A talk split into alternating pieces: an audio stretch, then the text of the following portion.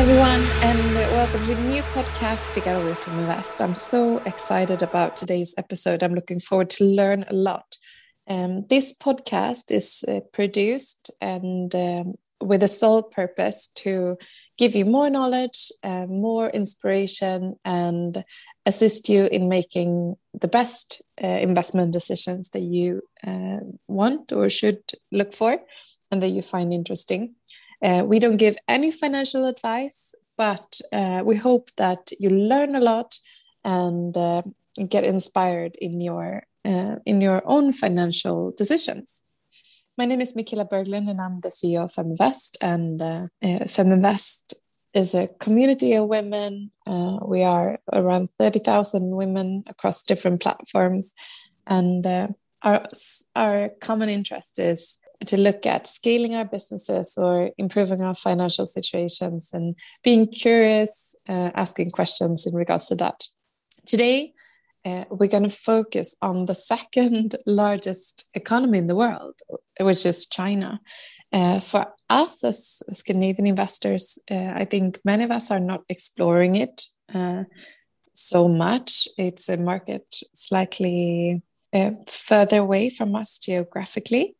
Uh, so today I've invited head of factor investing research at Vontobel and uh, Yunbai. Uh, you've got a PhD and uh, you are responsible for actually investigating trends that are really interesting from a financial perspective. So good to have you here. Thank you, Michaela, for the introduction. Thank you for having me here. I'm, I'm so curious. Um, what have you done so far in your career? And, and can you share a little bit about your background? Uh, sure sure. So i i currently i'm currently living in zurich and i'm working in Vontobel as i'm heading a team of the factor investing research so the team, what we do in our daily job, that we provide systematic solutions in terms of factor investing style or thematic or sustainable investment. So those uh, solutions are more like a systematic and tailor-made according to the client request. And um, so a little bit more about myself. I came to Switzerland around 10 years ago, and I started my PhD in mathematics. And after a couple of years, I just simply fell in love with the country. So I decided to uh, stay here. And um, what would you say is like one of the favorite things with living in uh, Switzerland and Zurich? Um, I think the most beautiful thing here is the mountain. That's uh, undeniable. And it's just easy to go out to have some fresh air. And Zurich is a beautiful city, and people are very friendly and nice here. Mm, oh, I can imagine. Uh, it was quite a while since I was there actually, but it's so pretty. I agree with you, and I enjoy the outdoors as well. Oh, cool. Um, so, if you look at um, from an investor's perspective, looking into China, what would you say are the key parameters for like actually considering getting exposure to the Chinese market stock market? Um, so, for the investors, first the investor need to um, know why they need to get exposure to, to, the Chinese market, I think. And as you introduced, the, the market is the second biggest economy area in the world. So it's almost too big to ignore. And also the last few decades, it has um, it posted very stable growth and also rapid growth. So in this high growth environment, there are very various, very attractive attractive investment opportunity emerging. So it could be actually interesting for the investors to have a look into this market.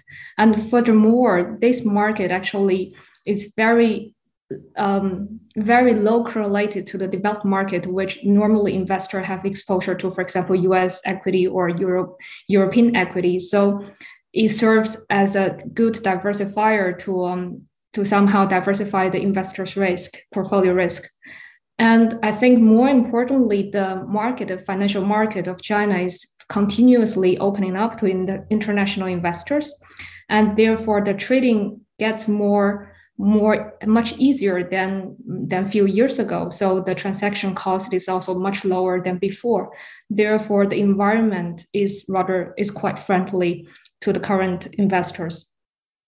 So um, the second point is that how the investor uh, need to uh, how the investor can get the exposure to the market i would say that there are a couple of there are already existing financial products and for example the passive etfs and they are they have been running for already uh, already a couple of years and posted very well very good return in the past but not unfortunately not this year. Um, the market condition gets a little bit more difficult.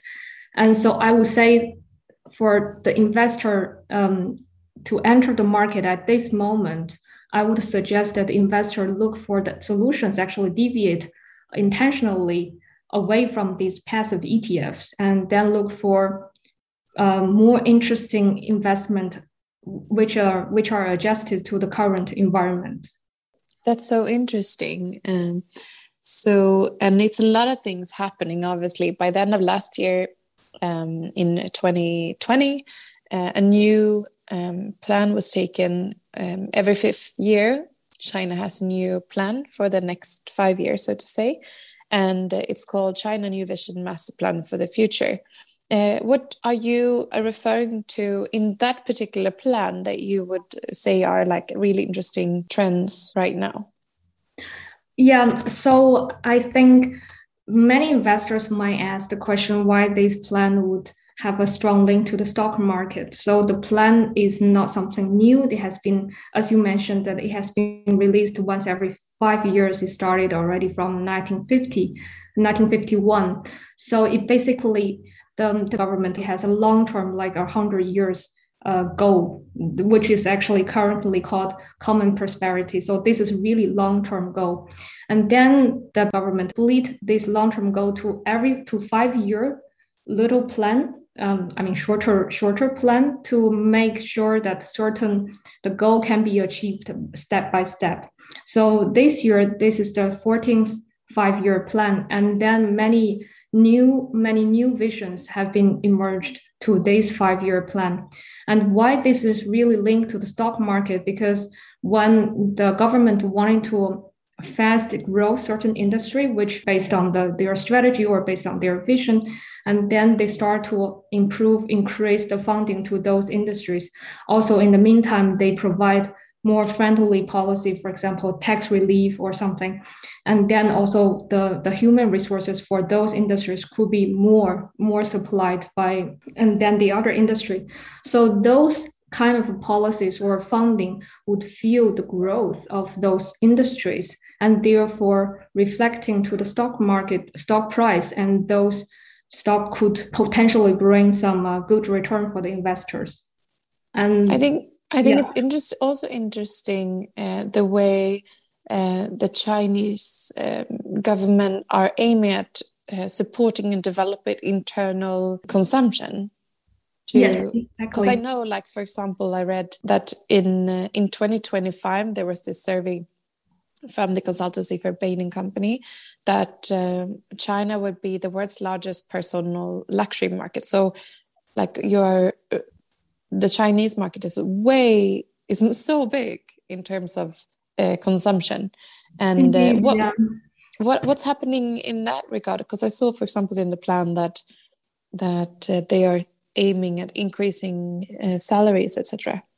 Yeah, you're right. You're right. So this 14th five-year plan is actually the first time that the government put the quality of life in focus instead of uh, um, chasing for uh, aiming for like a fast GDP growth number like 7% or something. That was always stated in the previous plan. But this time, there is no clear number for the GDP growth anymore. But the focus shift to um, the basic people's uh, life quality. And this is reflected in the goal to increase the, the income of the population. Also, in the meantime, bring better quality education and better healthcare system, also high, a little bit high quality medication and so on and so forth. And then also in the meantime, the aim is that when the income of the whole population increased, and then the internal demand will also increase. This will be asking, like, you know, the situation will uh, increase the demand for high quality goods as well. So in the on the other side of the plan that the government wanted to boost high quality, high innovation production on the other side in order to trigger to, to improve this internal circu- cir- circulation, for example, uh, uh, which means that people have more money to spend and then there are also better quality uh, products um, emerging from China. People can just buy from the internal market. Mm. Uh, so, are there any other parts of um, this five-year plan that you want to share? Like, I'm really keen to to learn some about sustainability as well, and you know, both the the opportunity, but also, I guess, the risk, because I can imagine that um, some people have the insecurities whether China is the most is really pushing towards sustainability from a production perspective. Yes, yes, it, this is very clearly stated in the five-year plan. So the government is aiming for carbon carbon reduction goal by 2025 and a very clear goal to uh, reach certain level. And, and this is really, uh, and also the, the forest coverage of the land needs to be improved and then clean water, more clean water body needs to be available for, for population. So there are certain points are stated in the plan. And this is also has been seen for the government, the environmental issue in China. In the past, like um, the fast growth, the, the side effect of the fast growth is that we satisfied partially the environment to reach high GDP growth. And then the government now realized that this is not sustainable also for people's life quality. Also, this is not a proper, um, it's not a suitable solution. So therefore, the government over the last already starting from the last five year plan, started to um, enhance the environmental improvement. Mm. Also, I think uh, another area that's really interesting is or do you have any other areas that you want to add uh, from the five year plan that you think are uh, really good for the investor to have as an information before you uh, investigate further what, what to invest in, so to say? Uh, sure. I think one one thing probably we also shortly mentioned in the previous uh, uh, introduction, and I think one thing is very interesting is that the coming uh, coming from the trade war the last few couple of years, and then the Chinese government started to see that okay, China has a high reliance uh, on the international market for this high quality production um, like high innovation technology like semiconductor or robotics or so on and so forth. So um, from that perspective, the government started to push to further develop those those industries and in order to reduce the reliance on the especially on the US I, I, I think at this moment the, the conflict is still quite quite intense. Um, so therefore they those industries get now get quite a bit of the government funding. And then we have seen that um, those, especially for the semiconductor, has been um, a very trendy uh, industry in, in China the last couple of months. Yeah, so I, would, I, would say that the, the government started to shift for the previous, like, let's say, the service or internet service oriented industry toward more like um, high innovation, high technology production focused development Mm. And um, another um, part of, of the Chinese uh, growth spurs from innovation, of course. Like we've got um, companies like Tencent, Alibaba, NIO, Huawei, um, and just to mention a few of them. And interestingly, I figured uh, in the research that you put together that for the last three years, China has been the the country in the world that's handling the most applications of, for patents, um, which is really interesting because it's previously been the US that's been leading.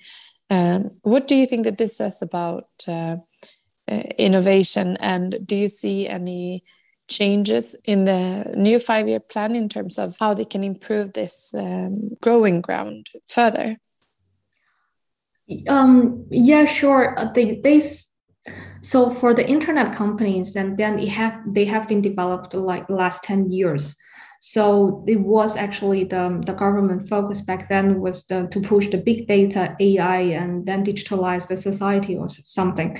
And after over the last 10, 20 years development, and those companies have emerged to the, the world international stage, and they became almost like the industry, one of the industry leaders. Of this um, in this sector. So the the question is that are they still the the uh, the growth? Are, are, they are they still have um, do they still have the high growth potential going forward? So currently, um, thinking about the current regulation, which are mainly targeting on those big tech companies, and um, uh, I think the the growth is a little bit not as positive as they, they used to be. But however, there are also new growth company emerging, as you mentioned, NIO, this um, these electric cars or this alternative, or you know, associated with that, like we have these alternative energy companies or like semiconductor companies, and they could become the new growth stocks. So there is a shift of the development also um, also oriented by the five-year plan and then the, the growth style will be slightly some somewhat different from the large tech um, industries to more like manufacturing production or research oriented um, sectors mm. um, so interesting but i can imagine that uh, quite a few scandinavian investors are a little bit insecure in terms of the political uh, situation and um, you know like from a from one perspective, it's like even if China would have locked market, it's like 1.4 um, billion um, in population. So it's a huge market just on its own, so to say. Like it's um, almost just like a, yeah one one seventh of the population, or uh, a little bit less, but still it's a huge part of the of the global population in the world. Yeah. Um, but then at the same time, um, what would you say about like how the world are perceiving the Chinese growth and what's happening um, from a financial the financial markets? Are they including China more, or uh, do, what trends do you see? So um, what we have seen from the market is that um, China started to open up more to the to the international investors since 2014, and then and then more more companies also got in, included uh, into the MSCI China index, which is a very popular index. A lot of investors are benchmarking against this index. So there are more companies got included since uh, from 20, 2017 onwards. So day by day there are more companies got included. So investors have more exposure to, to this market over time. And then when we look at back look back um, 20, 2017 2019 2020 um, chinese market posted a really fantastic return. And this gave investor a lot of um, appetite to invest in this market. Therefore we have seen a trend in the beginning of this year um, a lot of the asset managers or wealth management started to have uh, increased their investment in China. And however, the, the recent recent regulation release, the, the intense regulation release and the crackdown of the big tech, um, somehow somehow frustrated investor like um, decrease the the, the, the investors' confidence. We, we have seen, I have heard from Bloomberg uh, discussion, you know, they, they invest and invite different asset managers. Some of them are really enthusiastic, still still very enthusiastic about this market. But some of them are claiming that this market is not investable. So the opinion currently in the market are pretty much divided. So people, for part of the people, are very cautious on the risk they are taking to the in this market, and for some people, they're looking for new new return potentials. And especially currently, the valuation of the Chinese stocks is very relatively attractive compared to um, U.S. market or European market. Mm. Yeah, because at the same time, if you look back to the 1970s and up until now, there's no other uh, country in the world that's had a greater increase in GDP over time. So obviously, like it's a lot of growth going on. But I also, um, I've also uh, done some personal research in terms of how the central banks are acting, mm-hmm. and uh, this summer there were um, some research conducted across um, across the global uh, in dialogue with all the central banks and a lot of them expressed that they wanted to increase their exposure towards the Chinese um, currency and reduce it towards dollar. Mm-hmm. Uh, obviously, like historically, um, there's been a high exposure towards dollar and quite a small one towards um, uh, renminbi. Uh, is that how you pronounce it, renminbi? Yes, exactly, renminbi. Yeah, renminbi. So, um, so I think that's also an interesting trend to observe that central banks are opening up a little bit more um, towards uh, the Chinese uh, growth. Yeah, indeed. I think the interest is still there. It's just for for this time, for the last one or two months, those uh, intensive regulation kind of got in the investor a little bit frustrated in a way. And yeah. for that, I I I understand I, I understand the volatility of the market at this moment is rather high, and um, I could understand the, the fear of the investors. But nevertheless, so, I think over the over the longer term, um, considering the growth, considering the market market uh, characteristic, because the Chinese market is very big. There are more than three thousand stocks listed in the A-share market. So basically, you have stocks covering every uh, every industry. So mm. there are different kinds of investment opportunities, and then people just not need, need to shift away from the, the focus on the big tech, big names, and to some other relatively unknown for to the international investors, um, those kind of um, investment opportunities. So if you look at um, um, Vontobel China New Vision Index, um, what would you say? How is this index um, exposed or to those different trends that you mentioned, like for for example, environmental improvements? Um, so the index, the new vision index, somehow the reflect in different kind in different parts of the index construction, reflecting is reflecting the five year plan. For example, the the environmental is reflecting three different perspectives. So we have certain um, certain high high polluting industries excluded from our investment universe. For example, coal mining or or energy energy like traditional oil and gas pr- producers and those are excluded from our investment universe and plus we have a focus um, so among the subtrends we have some focus on the alternative energies or alternative the, the companies which bring alternative technology for example electric cars or like those companies like generate solar energy and the water energy, so on and so forth. So those are in our investment scope. And furthermore, the, the strategy also consider the minimum ESG requirement for the for the investable investable companies. So we require the the company needs to have at least MSCI ESG rating double B. So we try to prevent this um, this risk from the from the ESG evaluation. Mm.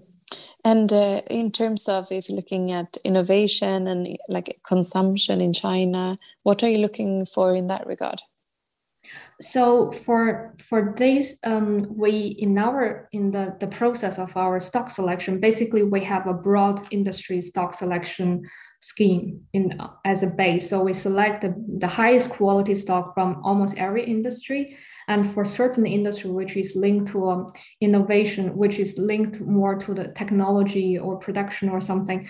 And we need, we also imposed the innovation examination of those companies. So for certain industries, we have requirement of the certain innovation level of those companies to be selected in our, our index. And overall, and we have um, discretionary discretionary view, which is our interpretation of the five-year plan, meaning that you know considering which uh, considering the five-year plan stating we wanted to increase the internal consumption and we wanted to um, improve the healthcare, we wanted to improve the technology production. And in our interpretation, reflected in, into our interpretation is that we overweight the healthcare sector, we overweight consumer cyclicals, and we also overweight the information technology where you have also the hardware, the electronics, and the semiconductor industries. That's really cool. So, um, if you look at uh, your work um, behind the scenes, uh, what do you say are the biggest challenges that you see working with this market and the research? Um, so I will start from the research part. I got this mandate early in March. So um, I started to look at the, the construction of the index. What was very challenging is that, you know, you already, there are already some um, um, market players. They have, we have already ETFs, we have already some um, thematic uh, indices on this on this domain. So we need to provide something kind of different from our competitors, yeah. uh, um, from our peers as well. And then and also in the meantime, I need to come up with something combining our strength, which is quanti- uh, systematic investing, quantitative investing, and also my personal knowledge on this market. So uh, after a few iterations with my colleague, we finally finally came up with this concept, and we were both very happy. But it was quite a challenging period. And on, on the ongoing side, you know, uh, you, you you know the current market volatility is really high, and then we have to face the the low confidence level of the investors. We need to calm the investors um, to um, take a longer term perspective and, and then also educate our investors to get to know a little bit more about this market and also characteristic of the market. So I think this is the ongoing challenge to um, for working within within this index. Mm. And how has it been received so far, the index, by the markets? I think so. I have to be very honest that the it started the tracker started in the very unfortunate time in in in Zurich in Switzerland. We started at the very beginning of the sell off of the, market. So in the beginning, everyone was a little bit um, you know uh, inhale like a cold air, but uh, I have uh, luckily we have seen that in August the the momentum the sentiment started to recover. So investor got a little bit more relieved um, somewhat because of the communication of the Chinese government. So investors started to come down. And since August, we have seen uh, inflow almost every day into the, this index. So we are very happy despite of our unfortunate starting point. yeah, I can imagine. Uh, when you work so hard on something and then someone else is kind of um, affecting it in a way that you can't control, right? exactly the starting point is um is really tricky but mm. nevertheless mm. i think that what is the most important thing that we have been telling the, our investors repeatedly is that you know the longer term perspective is very needed because the, there are so many retail investors in the chinese market and then people are very um, anxious when the negative event happens. So it happened in the in the past the people start to hurting like you know panic sell or panic you know like or fear of missing out buying. That's why the volatility of the market naturally is very high. Therefore for i think for more educated investors people tend to hold a longer term perspective and then ignore this short term short term um, short term reaction of the market mm. yeah and you're into something there uh, i think uh, in terms of the high volatility and understanding what kind of um, investor you are. Uh, what would you say are like good advice for, for investors looking for uh, the Chinese market, but perhaps being a bit insecure um, in terms of the volatility?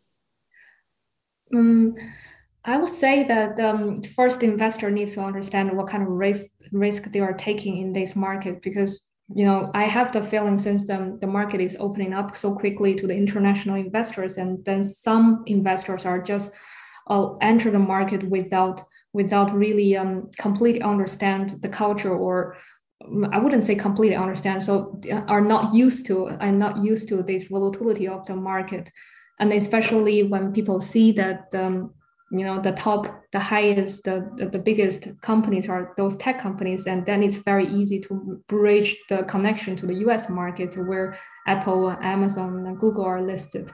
So i, I think it could happen that the investor had some misperception of the market when we look back, you know, the look back, the, the market has been always very volatile and much more volatile than the other emerging markets, and also not even, uh, you know, compared to the to the developed market, it's almost two times more volatile as the developed market.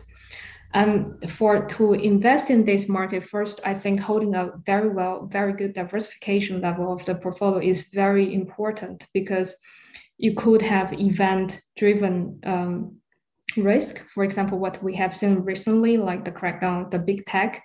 So if you have a more diversified portfolio, you have exposures to different industry or sectors, and this could prevent or dampen the loss of the of the portfolio. So this could be very, very beneficial. And then the second one is that especially important um, in the current situation, and investors should deliberately deviate their allocation from the, the traditional index, for example, and, you know, um, because the traditional index has a very high allocation on the big tech sectors.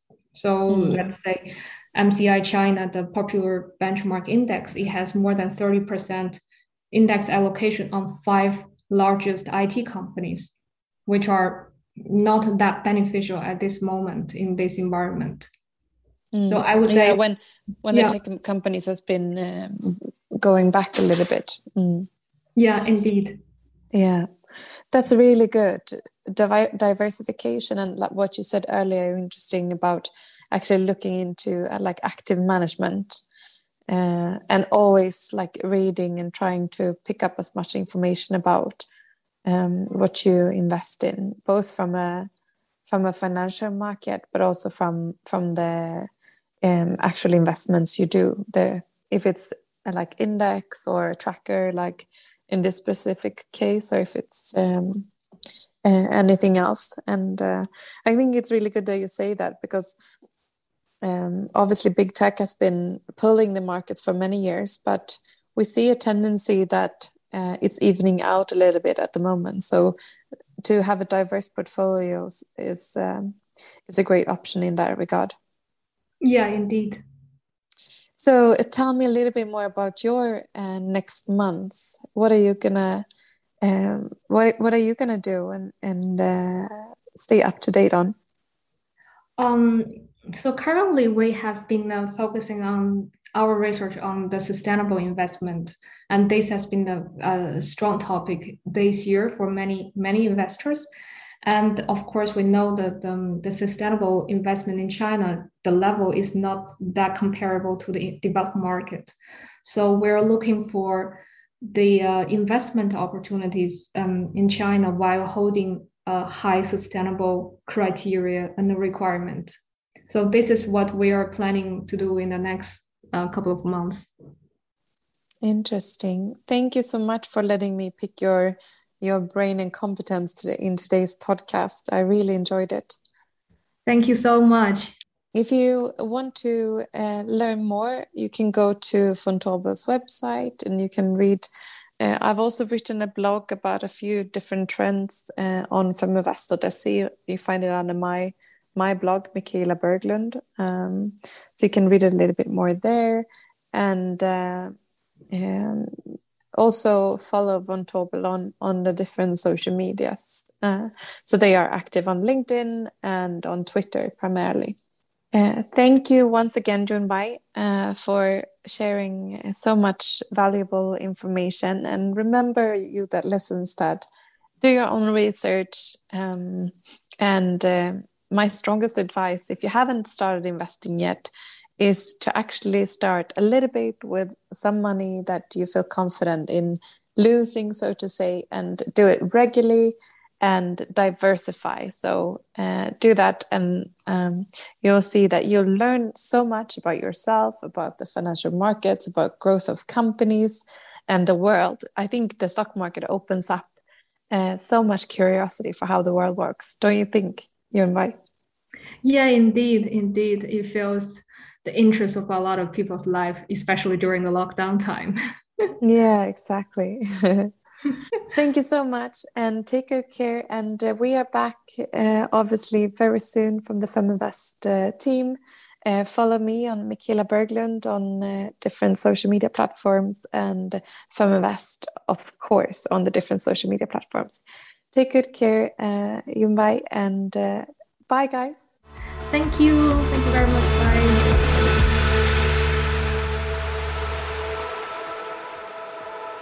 Feminvest är Sveriges största investeringsnätverk för tjejer.